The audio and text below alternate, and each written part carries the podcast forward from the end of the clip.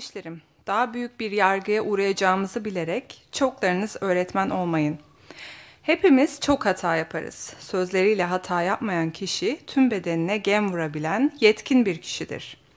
İsteğimize göre davransınlar diye atların ağızlarına gem vururuz. Böylece onların tüm bedenini yönlendiririz. Bir de gemileri göz önüne getirin. O denli büyük olmalarına ve sert rüzgarların etkisiyle sürüklenmelerine karşın dümencinin gönlü nereyi isterse küçücük bir dümenle oray, oraya yöneltilirler. Dil de tıpkı böyledir. Bedenin küçücük bir üyesi olmasına karşın çok büyük işlerle övünür. Bakın, küçücük bir kıvılcım koca bir ormanını tutuşturmaya yetmez mi? Dil de bir ateştir. Bedenimizin üyeleri arasında bütün bedeni lekeleyen ve cehennemden aldığı kıvılcımlarla doğanın akışını alevlere boğan kötülük evrenidir.''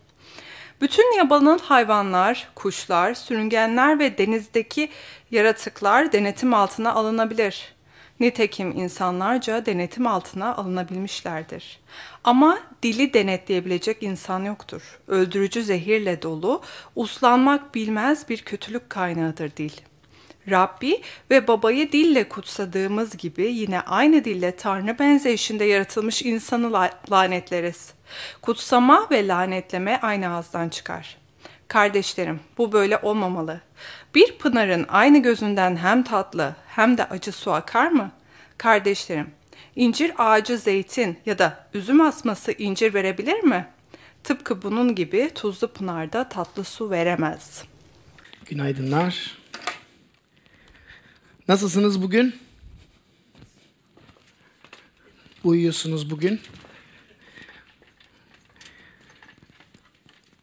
Evet. Sizleri burada görmek e, çok güzel. Hoş geldiniz e, şehir kilisesine ve ruhsal arayışımıza. E, her hafta burada buluşuyoruz ve girişte selamlamada söylediğimiz gibi kilise bir bina değil, e, insan topluluğudur ve e, hayatta beraber e, birbirimizi güçlendirmek, teşvik etmek, birbirimizden öğrenmek için e, birkaç yıldır e, sinema gibi mekanlarda buluşuyoruz. Ve tekrardan ruhsal arayışımıza hoş geldiniz. Size bir soru hazırladım. Hayatınıza baktığınızda, geçmişe baktığınızda, kulağınızda hala işitebildiğiniz, size söylenmiş sözler var mı? Sizi bugüne kadar etkileyen olumlu sözler olabilir teşvik edici sözler olabilir. Olumsuz sözler olabilir. incitmiş olabilecek sözler olabilir. Bugüne kadar böyle sessiz kaldığınızda, aklınız böyle geçmişlere gittiğinizde net duyduğunuz ses ve kelimeler var mı? Varsa bir ellerinizi görebilir miyim? Birkaç tane. Bu bizim yeni yıldaki konumuz. Her yıl yeni yıla girdiğimizde kilise olarak vizyonumuza odaklıyoruz. Biz neden buradayız, bunları neden yapıyoruz? Ve vizyonumuzu ilk sayfada bulabilirsiniz. Diyoruz ki amacımız kilise olarak tüm insanlar için muhteşem bir şehrin oluşturulmasına destek olmak. Bunu da Tanrı'dan ilham alarak, beraberce yaşamın tadını çıkararak, komşularımızı severek ve kentimize hizmet ederek başarmak istiyoruz. Ve bu Vizyon hakkında düşünürseniz hayatta bir şeyler yapmak istediğinizde ilk önce kendinizde başlamanız lazım. Ve biz de bu vizyon üzerine düşündüğümüzde ve bu seriye baktığımızda serinin adı bu arada güncel problemler ve antik çözümler. Ee, güncel problem derken e, gördüğünüz ilişkiler belki devamlı hayatımızda etkin olan e, bir e, çabaladığımız bir alan. E, klipte konuştuğunuz gibi ilişkiler bozuluyor. Um, insanlar kavga ediyor. Uh, insanlar hayal kırıklığına uğruyor. Uh, biz küf- belki kavga ediliyor, küfür ediliyor, düşünülmemiş sözler söyleniyor. Um, küsme oluyor, kin tutma oluyor. Belki daha hafiften gidersek dedikodu oluyor, uh, iftira oluyor veya sadece aklınızda kötü düşünceler oluyor. Ve bunlar insanları, sizleri, toplumu, mahallelerimizi, ülkemizi etkiliyor. Ve bunun problem üzerine düşünmek istiyoruz. Bunun çözümü nedir? Yakup mektubuna bakıyoruz. Yakup milattan sonra 40 yıllarında yazılmış bir kitapçık. İncil'de buluyorsunuz. Ve Yakup kimdi derseniz İsa'nın yarı kardeşiydi. Um, aynı anneden ama e, Yusuf'tan. Ve e, İsa'nın kardeşlerine bakarsanız Yakup vardı, Yusuf vardı, Simon vardı, Yahuda vardı. Yakup muhtemelen en büyüğüydü. İsa'dan sonra İsa ilk doğandı. Ve bu mektubu bize yazıyor ve çok eylemler üzerine bakıyor. Bugün üçüncü haftadayız.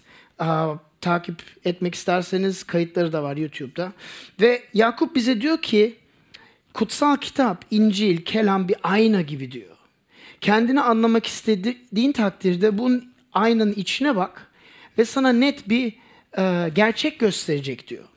Ve diyor ki bakıp gördüğünü unutan insan ahmak gibidir diyor. Çünkü hayatta hiçbir değişime uğrayamayacaktır diyor. Yani Yakup diyor ki hayatını bir denetle, bir bir test et. Ee, sadece teoride neye inanıyorsun değil, pratikte neler yapıyorsun. Ve Paulus'un buna çok benzer bir sözü var. Ee, 2. Korintiler 13.5'te diyor ki um, kendinizi test edin. Gerçekten imanlı mısınız? Gerçekten sadece kendinizi kendinizi mi kandırıyorsunuz? Ve bu sözlere baktığımızda Yakup'un izinden yürümek istiyoruz. Bugün üç bakmak istiyorum sizinle beraber. Birisi sözlerin gücü, ikincisi sözlerin kullanımı ve üçüncüsü sözlerin iyileşebilmesi. Sözlerin gücü, kullanımı, iyileşebilmesi. Bunu bültende de dördüncü ve beşinci sayfadan hem metni hem a, bu üç noktayı takip edip not tutabilirsiniz isterseniz. Hazır mısınız? Başlayalım mı? Bugün biraz zor olacak yalnız. Ee, şimdiden söyleyeyim. Metin çünkü kolay bir metin değil. Ben hazırladığımda da e, bayağı zorluk çektim. Ve bugün bu zorluğu size biraz ister istemez yansıtma durumundayım. Sözlerin gücü. 5. 6. ayete başlayarak bakalım. Bakın bültenden okuyabilirsiniz. Orada ne diyor 5. 6. ayette? Ee, Yakup diyor ki dilde böyledir. Bedenin küçücük bir üyesi olmasına karşın çok büyük işlerle övünür diyor. Bakın küçücük bir kıvılcım koca bir ormanı tutuşturmaya yetmez mi? Dil de bir ateştir bedenimizin üyeleri arasında bütün bedeni lekeleyen ve cehennemden aldığı kıvılcımlarla doğanın akışını alevlere boğan kötülük evrenidir diyor. Belki hayatınızda düşündüğünüz veya düşünmediğiniz dilin, sözlerinizin gücü ve belki bunları okuduğunuzda diyorsunuz ki yani tamam evet sözler önemli ama bu da biraz abartı değil mi? Yani bu kadar da bu kadar da bir yetkiye sahip değil. Yani ha söylemişsin ha söylememişsin. Yakup'un iddiasının biraz üzerine durmak istiyorum ve size bunu biraz daha derinden anlatmak istiyorum. Neden Yakup bu örneği, bu iddiada bulunuyor? Ve bize bunu üç örnekle göstermeye çalışıyor. İlk önce bir attan bahsediyor. Atları nasıl yön, yönlendirebiliyoruz, nasıl yönetebiliyoruz? İkincisi olarak bir gemi dümeninden bahsediyor. At 3. ayet, gemi dümeninden 4. ayet ve en son olarak bir ormandan bahsediyor 5. ayete bakarsanız. Ve en sonunda diyor ki dil de böyledir diyor. Ve üç örneğe bakarsanız neyi anlatmak istiyor derseniz dilde bir ateştir diyor. Dil küçücük bir şey olmasına aşırı bir yetkiye ve güce sahiptir diyor. Ve birinci ve ikinci örneği atarsanız ata bakarsanız ata atın ağzına gem atıyoruz diyor. Gemi koskoca gemileri bir dümenle yönlendiriyoruz ve kontrol ediyoruz diyor. Söylemek istediği şey şu. Sözleriniz hayatınızı kontrol ediyor. Sözleriniz ve dil diliniz hayatınızın gidişatını yönlendiriyor. Sağa mı gidiyorsunuz, sola mı gidiyorsunuz, ileriye mi gidiyorsunuz, geriye mi gidiyorsunuz? Bu örneklerin yansıtmak istediği şey şu ve belki bunu pratiğe vurarsanız bir örnek vereyim size. Diyelim ki sporcu olmak istiyorsunuz. Nereden başlıyorsunuz? Şimdi belki diyeceksiniz ki sporcu antrenmandan başlar. Hayır, sporcu antrenmandan başlamaz. Sporcu, sporcu olabilmesine inanabilmesi için sözlerden başlar. Size birisi ya der ki valla aslında iyi bir iyi bir duruşa sahipsin, sporcu olabilirsin veya siz bir şeyler yaptığınızda bir başkaları görüyor ve diyor ki ya çok iyi yaptın diyor. Ve böyle bu sözler sizi sizi teşvik ediyor ve sizi sizi yetkileştiriyor ve size bu bu gücü veriyor. Ve böylece yola çıkıyorsunuz. Yani bir müzik örneğini vereyim. Bir enstrüman çalıyorsunuz ve belki müzisyen olmak istiyorsunuz. Müzisyen olmaya yola çıkmak nereden başlar? Siz diyeceksiniz ki e, enstrümanı çalışman lazım. 5 saat, 6 saat, 7 saat her gün. Hayır, hayır, hayır. Enstrümanı çalmaya başlayan birçok kişi var ama sonradan pes eden birçok kişi var. Sözlerden başlar. Kendi kendinize konuştuğunuz sözler. Belki diyorsunuz ben bunu yapabilirim veya diyorsunuz ki ben bunu yapamıyorum. Çalmak istemiyorum piyanoyu. Ee, başarılı değilim. Veya başkaları size söylediğiniz sözlerden başlar. Hocanız sizin verdiği teşvik sözleri veyahut kırıcı sözlerinden başlar. Kendimden örnek vereyim. Benim e, ilk gitar hocam e, biraz nasıl diyeyim kendi hayatında teşvik kırılmış birisiydi ve ben her hafta çok heyecanla e, plaklar götürüyordum. Diyor ki ben bunu çalmak istiyorum, bunu çalmak istiyordum. Ve hoca her seferinde aynı şey diyordu. Diyordu Bilgeciğim diyordu. Bak dünyada sadece 10 kişi var. O 10 kişi bunları çalabilir ama sen ve ben bunları hiçbir zaman çalamayız. Ve her gitar dersinden sonra teşvim kırılmış bir şekilde eve gidiyordum ve sonra diyordum ben buna neden gidiyorum? Bana ne öğretiyor? Hangi katkıda bulunuyor? Sonra başka bir gitar hocamı tanıştım ve ondan değiştirdim ve dedi tabii ki çalarsın. Ne olacak? Bunu çalışırsın, çalarsın. Dünya kadar bir fark yaptı hayatımda biliyor musunuz? Yakup diyor ki sözleriniz hayatınızı kontrol ediyor diyor. Üçüncü örneğe bakarsanız, orman örneğine bakarsanız burada zarardan bahsediyor. Olumsuz bir örnek. Sözleriniz hayatınızı alevlere, alevlerle yakar diyor. Sözleriniz hayatınızı bitirir diyor ve başkalarının hayatını da bitirir diyor. Bakın sözler buhar gibi önemsiz değil. Söylüyorsunuz, konuşuyor, yok oluyor değil. Sözlerin bir yetkisi var, bir gücü var, bir etkisi var. Ve Yakup burada bize ilginizi çekerse kategori verdiğine bakarsanız doğru ve yanlış kategori vermiyor bize değil mi? Doğru sözler şöyle, yanlış sözler böyle demiyor. İyi sözler şöyle, kötü sözler şöyle demiyor. Hayır öyle bir kategori yapmıyor. İlginç diyor. 9. ve 10. ayete bakarsanız sadece iki örnek veriyor. Diyor ki sözleriniz ya kutsuyor ya ya inşa ediyor veyahut yıkıyor ve lanetliyor. Tek iki kategorisi bu. Yani siz doğru bir şey söyleseniz de bunu belki yanlış şekilde söyleyerek yıkıcı bir etkide bulunabilirsiniz. O kadar zor bir şey anlıyor musunuz? Kategoriler bunlar. Ve kendi hayatınıza baktığınızda yakın insanlardan olumsuz sözler duyup bugüne kadar bu sözleri duyuyorsanız bu ne anlama geliyor biliyor musunuz? Bu demektir ki bugüne kadar bu geçmişte konuşulmuş sözler sizin hayatınızı kontrol ediyor. Sizin hayatınız üzerine bir güç var, bir yetki var ve bugüne kadar bu gücü kıramadınız. Hala kulağınızda geziyor. İfade etmek istediği şey bu. Yani olumsuz sözler insan hayatını ateşe verir. İnsan hayatını cehenneme dönüştürür. Yakup'un söylediği sözler bunlar. Belki bazen kendi sözlerimize dikkat etmiyoruz ve belki çocuklarımızla konuşuyoruz veya arkadaşlarımızla konuşuyoruz ve belki böyle şeyler belki sen adam olmayacaksın ya. Ama bu sözler bu insandan kalıyor. Veyahut başka teşvik, sen hala anlamadın mı? Belki bir ders derstesin bir şey anlamadın hocam anlatabilir misin? Ya sen ne kadar aptalsın hala anlatma. Üçüncü defa anlattım. Bu sözler kulakta kalıyor. Bu sözler hayatınızı hayatınızda kalıyor. Bunları unutmuyorsunuz. Süleyman Hazreti Süleyman en bilgin insan olarak özdeyişlerinde sözler hakkında, dil hakkında birçok şeyler söyledi. İki tane, üç tane örnek vereyim diyor ki, düşünmeden söylenen sözler kılıç gibi keser diyor. Kutsal kitapta devamlı ve devamlı sözler kılıçla benzetiliyor kıyaslanıyor. Ve bir adım daha ileri gidersek sadece bizim söylediğimiz sözlerin karşındaki insana olan etkisinden bahsetmiyor Süleyman. Aynı zamanda da kendimize olan etkiden bahsediyor. Diyor ki kötü kişinin sözleri kendisi için bir tuzaktır diyor. Yani bir, bir çocuk düşünün çok bir şey istiyor. Annesi babası izin vermiyor. Ve bu çocuk diyor ki siz beni sevmiyorsunuz. Beni sevseniz istediğimi yaparsınız. Bu sözlerin bir gücü var. siz beni sevmiyorsunuz sözler kulakta kalıyor ve yeterince sık söylersen çocuk bunu inanmaya başlayabilir.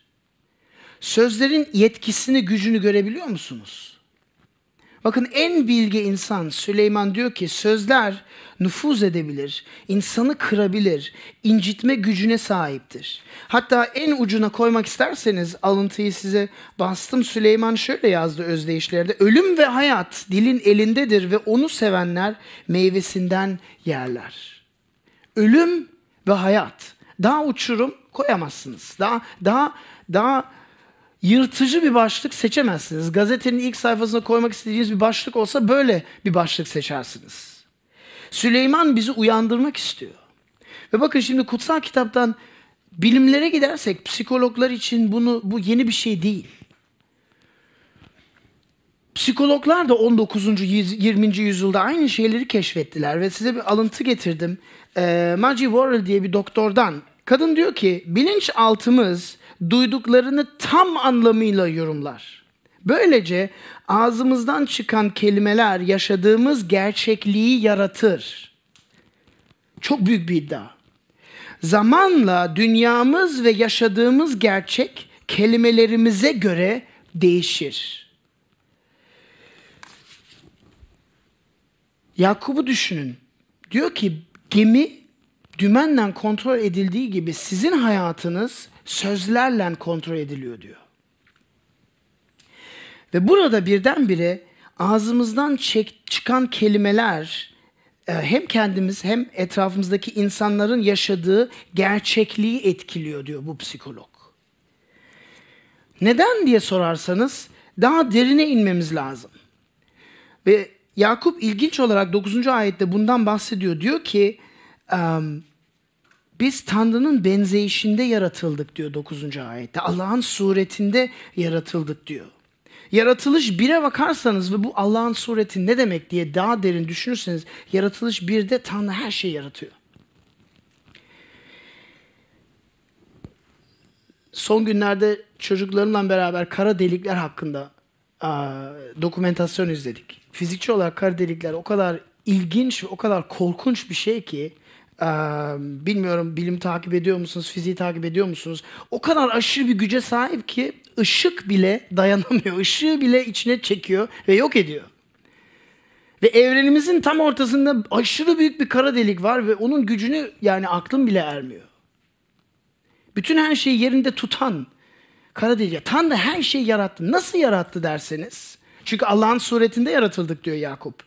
Ve dil üzerine konuşmasının ve buraya gitmesinin tesadüf değil. Nasıl yarattı? Buyurdu ve var oldu. Ağzından, sözünden yarattı Tanrı. Yuhanna'ya gittiğinizde, İncil'e gittiğinizde Yuhanna e, İncil'ini yaratılış yaratılış benzeyişinde yazıyor ve nasıl diyor? Başlangıçta söz vardı diyor. Ve söz Tanrı'nın yanındaydı ve söz Tanrı'ydı diyor. Kelam Allah'tı diyor. Ve sonra devam ediyor bize açıklamaya. Yani evren, kara delikler, hayvanlar, insanlar, bütün bu gezegen kelamın gücüyle yaratıldı.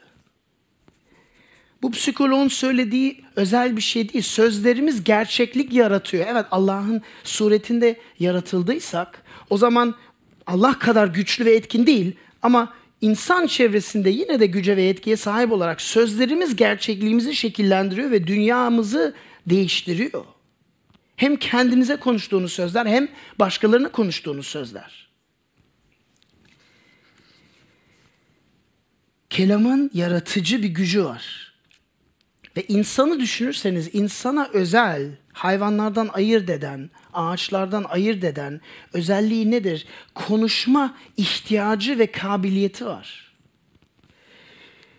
bizim konuştuğumuz sözlerimiz veya daha yeni bir bebek doğdu. Bizim cemaatimizde yeni bir bebek doğdu. Hoş geldin bu dünyaya. Bu bebek kimliğini, şahsiyetini ona konuşulan sözlerden alarak büyüyor. Bütün insanlar böyle. C.S. Lewis bir kitabında şöyle diyor. Diyor ki bir şey bir şeye hayran kaldığında, güzellikten zevk aldığında İlk yapmak istediğin şey nedir diyor. Gidip başkalarından paylaşmak. Bunu söze dökmek. mutluluğunu ifade etmek diyor. Ve bu insanlığın en temel şeyinden biri. Çünkü Allah'ın suretinde yaratıldık. Olumsuz örnek düşünürseniz hapislerde hücre hapsi neden işkence olarak sayılıyor diye düşünürseniz çünkü en önemli ihtiyacımızı insanlardan koparıyorlar. İletişim ve konuşma ihtiyacını sizden alıyorlar. Birçok insan kafayı yiyor. Kendi kendilerini konuşmaya başlıyorlar. Allah'ın gücü kelamıdır. Suretindeki yaratılmış olan insan sözlerinden gerçekliğimizi yaratıyoruz. Peki pratik olarak nasıl derseniz ve ikinci bütün ikinci bölümde buna bakacağız. Hep övelim mi? Hiç eleştirmeyelim mi? Nasıl konuşalım? Tabii ki bu değil ama şöyle bir şey düşünün. Sözlerinizin gücünü unutmayın. Sözleriniz bir kılıç gibidir. Ve dikkatli taşımanız lazım. Kültürlere bakarsanız ilginç bir şey göreceksiniz. Bazı kültürlerde, daha ziyade batı kültürlerinde en önemli değer dürüstlüktür ve doğruluktur. Ve söylediğimiz her şey doğru ve dürüst olması lazım. Yani birisi bir şey yaptı ve güzel değildi. Bu kültürün temel değeri doğruluk ve dürüstlükse gidip söyleyeceksin. Vallahi yaptığın hiçbir şeye benzemiyordu. Kusura bakma yani. Do- güzel değildi. Başaramadın. Bazı kültürlerde daha ziyade doğu kültürlerinde en önemli temel değer merhamet ve insanı sevgi ve ilişkidir. O zaman ne yapıyorsunuz? Yani beğenmiş, iyi, kötü artık konuşmuyorsunuz. Sadece diyorsunuz yani çok güzel yaptın, aşırı beğendim. Bu kişiye hiçbir zaman yansıtmıyorsunuz. Belki başkalarına yansıtıyorsunuz. Ama bu kişiyi hiçbir zaman incitmeme amacından yapmıyorsunuz. Ama kutsal kitapta ikisini de yapmamızı istiyor.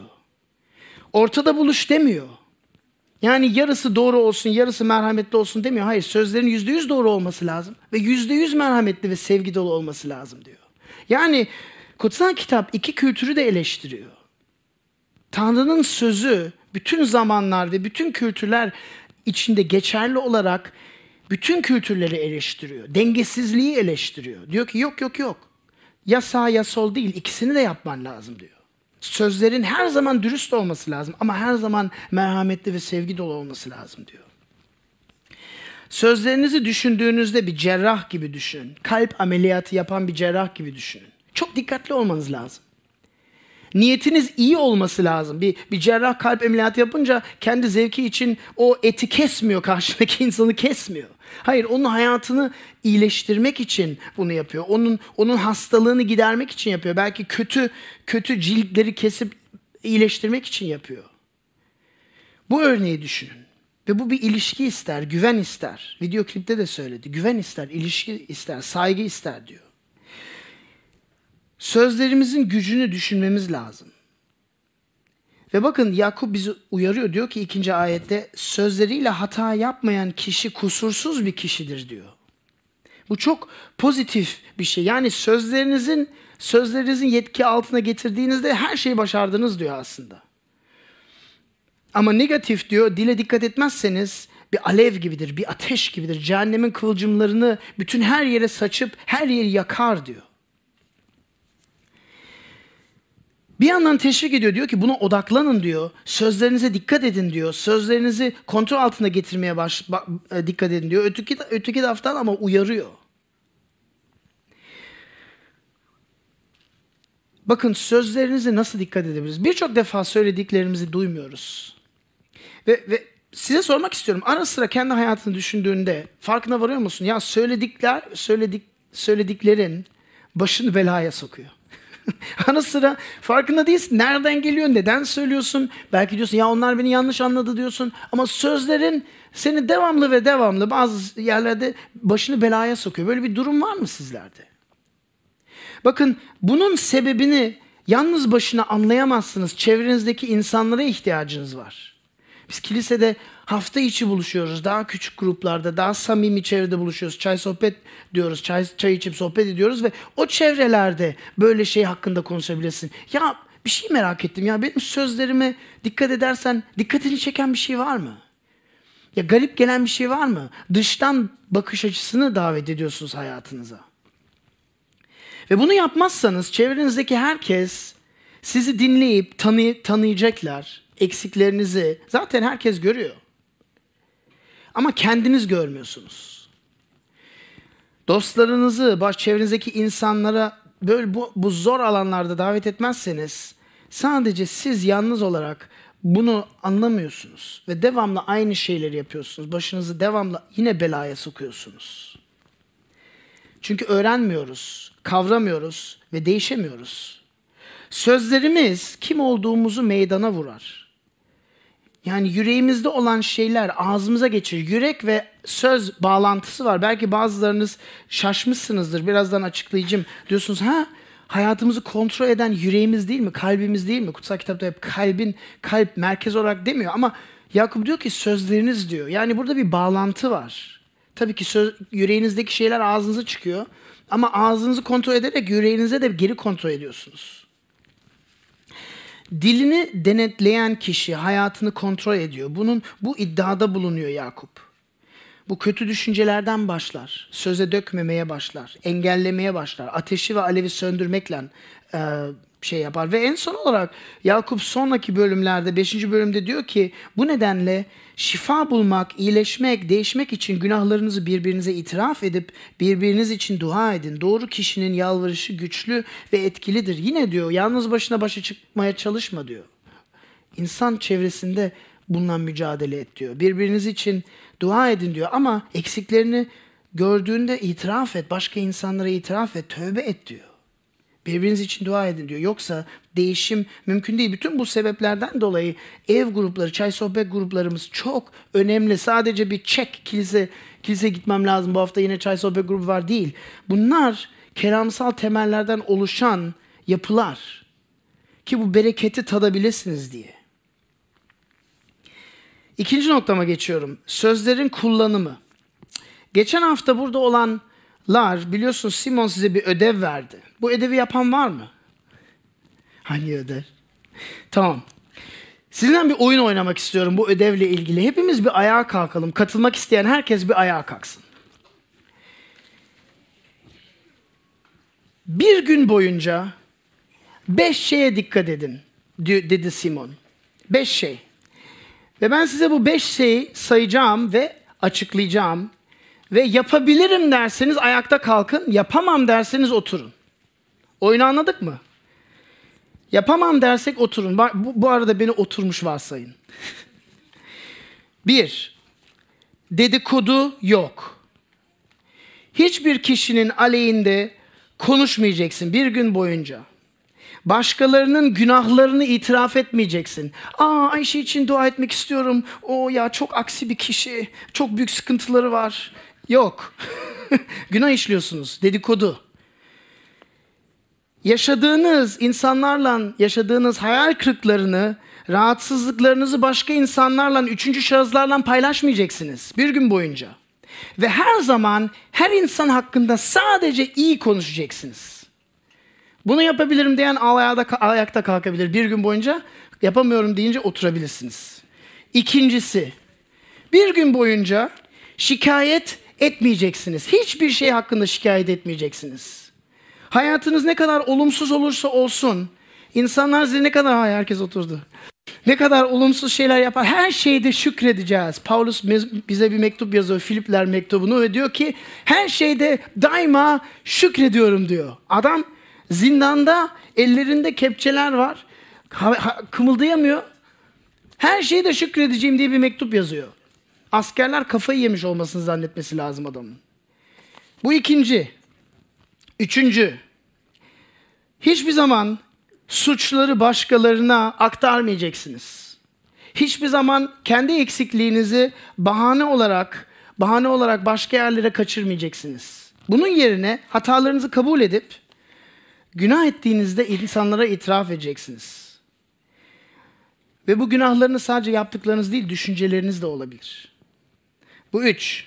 İki tane daha var. Çok teşvik edici değil mi? Dört. Hiçbir şekilde eleştirildiğinizde kendinizi savunmayacaksınız. Doğru olanı doğru olan eleştirileri kabul edeceksiniz. Doğru olmadığını zannettiğiniz eleştirileri düşünerek üzerinize alacaksınız. Beş, hiçbir şekilde övünmeyeceksiniz. Kendinizi öne çıkarmayacaksınız. Yaptıklarınızı, güçlü yönlerinizi sergilemeyeceksiniz. Bu bu sosyal medyaya da dahil eder bu arada. Ay bak ne kadar güzelim. Ay bak neler yaptım. Zayıflıklarınızda coşup mutlu olacaksınız. Bu beş şeyi bir gün boyunca yapabilen kimse var mı? Ayakta hiç kimse kalmadı. Steven. Alkış. Bakın cidden bunu bir gün deneyin. Hatta bir saat bile deneyin. Ne kadar zor olduğunu anlayacaksınız. Ama aynı zamanda da ne kadar problemlerin ne kadar derin olduğunu anlayacaksınız. Peki bunu nasıl yapabiliriz? İletişim sor- sorunlarını nasıl çözebiliriz? Hangi prensip üzerine görüyor? Bakın Yakup 3'e baktık. Yakup'u ekleyen Paulus hocamız var. Efesli 4'te bize çok daha fazla detay veriyor. Ve Yakup ve Paulus birbirlerini tanıyorlardı. Ve yüksek ihtimalle Yakup Paulus'un mektuplarını da biliyordu.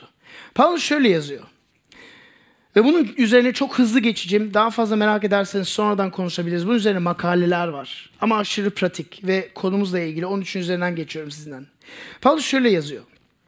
Bunun için yalanı, yalanı üzerinizden sıyırıp atarak her biriniz komşunuza dürüst ve gerçeği söylesin.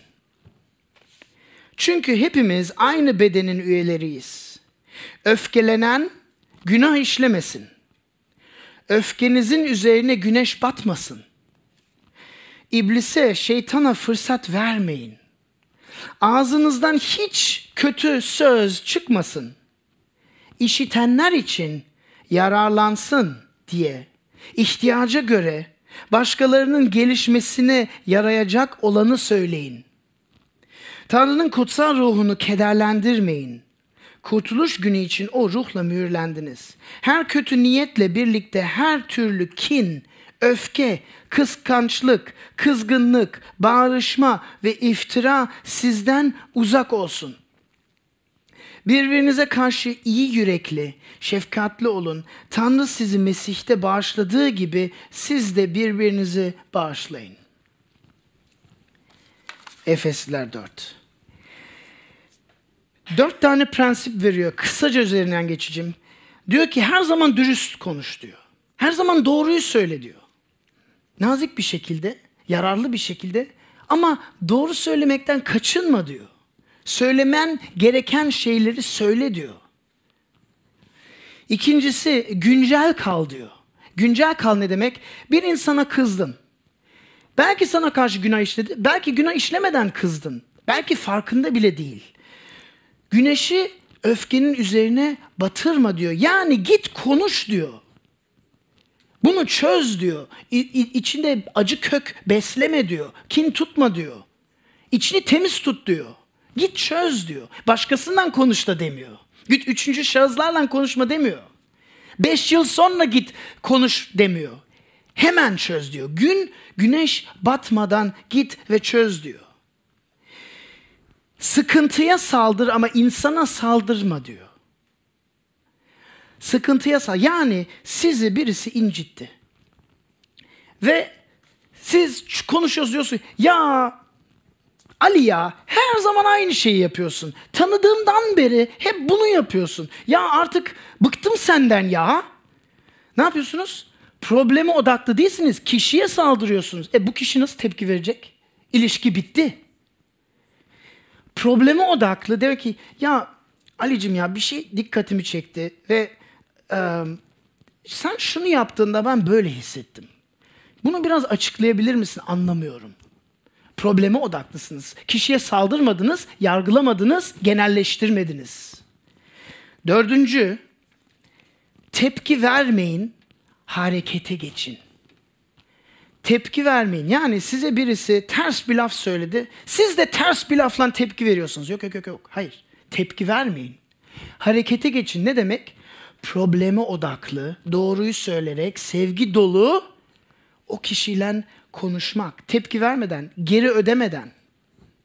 Bakın bunu bu dört prensibi yerine getirirseniz Yakup ne diyor? Son ayetinde kardeşlerim incir ağacı zeytin vermez mi diyor. Üzüm asması üzüm vermez mi diyor. O zaman hayatınız incir ağacı gibi olur. Üzüm üzüm ağacı gibi olur. Üzüm meyve, meyvesi verirsiniz. Her yeriniz süt liman olur. Ama bu neden bu kadar zor biliyor musunuz? Biraz daha fazla köklerine inelim. Yakup'un sözlerine dönelim. Yakup iki şeye yapma diyor. Çok ilginç. İki şeye yapma diyor. Beşinci ayette diyor ki kendini övme diyor. Ve dokuzuncu ayette imanı lan, e, başkalarını insa, başka insanları lanetleme diyor. Kötüleme diyor. Bu tesadüf değil. Burada bir prensip var. Prensip şu. Kendini kendimize hep kayırıyoruz. Kendimi hep özür, kendimize hep özür diliyoruz. Biz karayolda giderken bir birisi bizi keserse böyle araba kullanılır mı? Biz bir yere acele ettiğimiz, geç kaldığımızda biz öyle sürdüğümüzde bizim her özrümüz var çünkü biz geç kaldık. Anlıyor musunuz? Kendimizi kayırıyoruz. Kendimizi savunuyoruz, kendimizi yüceltiyoruz ama başkalarını eleştiriyoruz, saldırıyoruz ve alçaltıyoruz. Ve dedikodu ve iftira buradan çıkar. Bakın Yakup bize ne demek istiyor? Diyor ki bütün sözlerimizin eksikliğinin temelinde bir şey var diyor. Bak ben ne kadar iyiyim ve bak başkaları ne kadar kötü. Tanıdık geliyor mu? Bak ben ne kadar iyiyim, bak başkaları ne kadar kötü. Bakın Yakup diyor ki sabah kalktığında aynaya bak diyor. Ve aynaya baktığımızda aslında her insan dürüst olursa biliyor ki gerektiği kişi, gerektiği olmam gereken kişi değilim. Aynaya baktığımızda bütün eksikliklerimizi, hatalarımızı görüyoruz. Peki ne yapıyoruz bunlarla? Bunları saklıyoruz, gizliyoruz. Dikkati dağıtmak için başka insanları eksikliklerini meydana vuruyoruz. Yakup'un söylemek istediği şey şu. Yani en temelde bütün bu sözlerin kökünde bir problem var. Her insan kendisini bir mahkemede gibi hissediyor sabahtan akşama kadar. Ve aslında biliyor ki ben suçluyum, ben eksiyim ama devamlı kendini savunmakla meşgul.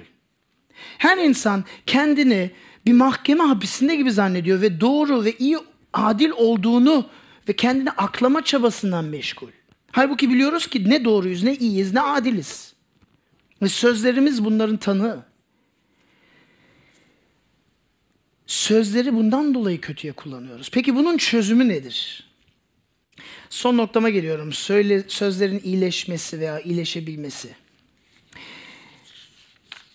Yakup çok karamsal bir şey söylüyor. Bilmiyorum gözden kaçırmış olabilirsiniz veyahut okuyup hemen yine unutmak istemiş olabilirsiniz. Diyor ki 8. ayette diyor ki ama dili denetleyebilecek insan yoktur.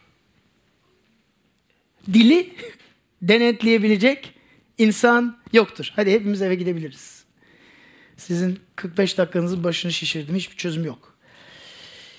Çok karamsal bir şey ama aynı zamanda sonraki ayette ilginç bir kıyaslama yapıyor. 9. ayette diyor ki Rabbi ve babayı dille kutsadığımız gibi yine aynı dille Tanrı benzeyişinde yaratılmış insanı lanetleriz. Bakın buradaki ilginç olan şey dikey ve yatay boyunu boyutunu kıyaslaması Yakup. Benim beklediğim şey diyor ki aynı dillen insanlara lanetliyoruz ve aynı dillen insanlara tatlı konuşuyoruz. Ama Yakup bunu yapmıyor. Yakup insanları bir seviyede ve Tanrı'yı ikinci seviyede kullanıyor. Neden? Çünkü çözüm bu, bu, bu boyutta olmadığını yansıtmak istiyor. Çözüm dikey ilişkide. Bakın problem kendimizi doğru çıkarma ve aklanma peşinde olduğumuz sayesinde bu doğruysa o zaman çözüm nedir? İlk olarak bir teşhis koymanız lazım. İkinci olarak ameliyat olmanız lazım ve son olarak rehabilitasyona geçmeniz lazım. Ne demek istiyorum? Bakın diyor ki sözler bir cehennem diyarıdır diyor. Yani daha şiddetli söyleyemez. Peki sözler cehennem diyarından geliyorsa bunu nasıl iyileştirebiliriz? Şöyle kıyaslayayım. Bir insan kalp krizi geçirdiğinde doktorlar bakıyor bu kalp olmayacak diyor. Ne yapıyorlar? Kalp nakli yapıyorlar değil mi? Transplantasyon yapıyorlar. Yani çalışmayan yüreği çıkartıyorlar. ve çalışan bir yüreği içine koyalım. Zor bir ameliyat. Yakup'un bize söylemek istediği şey buna benziyor. Diyor ki sözlerimiz devamlı kötüyse, bunu başaramıyorsak, o zaman o cehennem diyarını cennet vadisinden değiştirmemiz lazım diyor. Bir transplantasyon gerek diyor. Teşhis bu, ameliyat gerekli diyor. Yohana İsa'yı, Tanrı'yı ebedi kelam olarak bize gösteriyor. Diyor ki ebedi kelam beden aldı diyor. Ve bize geldi diyor. Ve tamamen günahsızdı diyor. Ve günahsız olmasına rağmen çarmıha bizim günahlarımız için günah sunusu olarak çarmıha gerildi ve kendisini feda etti diyor. Bize gereken şey içimizde bulunmamaktadır. İçimizde bulunsa Tanrı kendi oğlunu, ebedi kelamını dünyaya gönderme mecburiyetinde kalmazdı. İçimizde bir çözüm olsaydı Yakup yatay boyutu ve dikey boyutu kıyaslamazdı. Problem bu boyutta. Tanrı'dan koptuk. Tanrı'dan koptuğumuz için onun onayını kaybettik. Onun onayını kaybettiğimiz için kendimizi devamlı bir mahkeme salonunda gibi hissediyoruz. Ve kendimizi devamlı savunuyoruz ve başka insanlara devamlı saldırıyoruz. Bu kökü çözmemiz lazım. Ve nasıl çözebiliriz? Allah'ın sözlerimizi bizi iyileştirebilmesi için iki şey gösteriyor bize. Dıştan bize bir kalp lazım. İlginç olan şey eski ayetteki peygamberler bu kalp transplantasyonu yüzyıllar evvelden söylediler. Hatta Musa bile söyledi İsraillere. Dedi ki görüyorum hayat boyunca hayatı sonuna erdi. İsraillerle birçok şeyler yaptı, mucizeler yaptı, bilmem neler yaptı. Diyor ki bugüne kadar görüyorum ki Rab size yumuşak bir kalp vermedi diyor.